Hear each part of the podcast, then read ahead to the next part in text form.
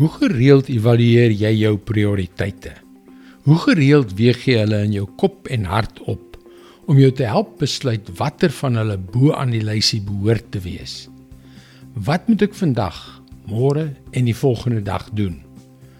Hallo, ek is Jockey Gouchee vir Bernie Diamond en welkom weer by Vars. Die meeste mense bestee glad nie genoeg tyd daaraan om aan hulle prioriteite te dink nie. Ja, hulle is te besig om te reageer op die probleme wat die lewe na hulle kant toe gooi. Hulle hanteer die op- en afdraandes van hul emosies terwyl hulle dikwels net kop bo water hou. Klink dit bekend? Die meeste van ons se eerste prioriteit is sekuriteit en oorlewing en die tweede is gemak. Ons wil almal veilig en gemaklik wees. Dit is die geuite weg wat ons volg en dikwels oorweeg ons nie eers ander moontlikhede nie. Nie waar nie? En wanneer die lewe rof raak, kies ons met skok en afgryse om ons eie bas te red. Maar dis nie wat die apostel Paulus gedoen het nie. Hy het 'n ander stel prioriteite gehad.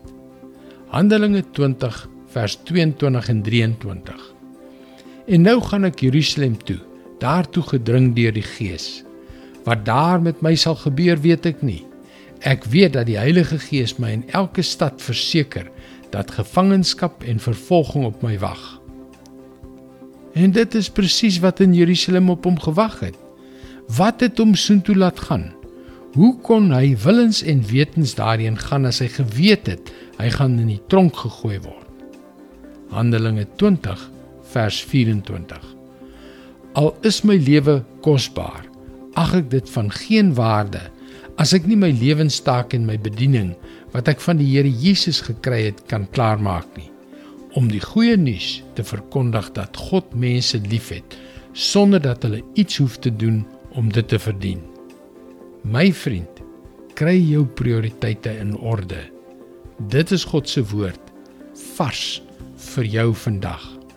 En wanneer dinge moeilik is, Wanneer jy ernstig is oor jou verhouding met God en sy roeping wil volg, kan jy op hom vertrou.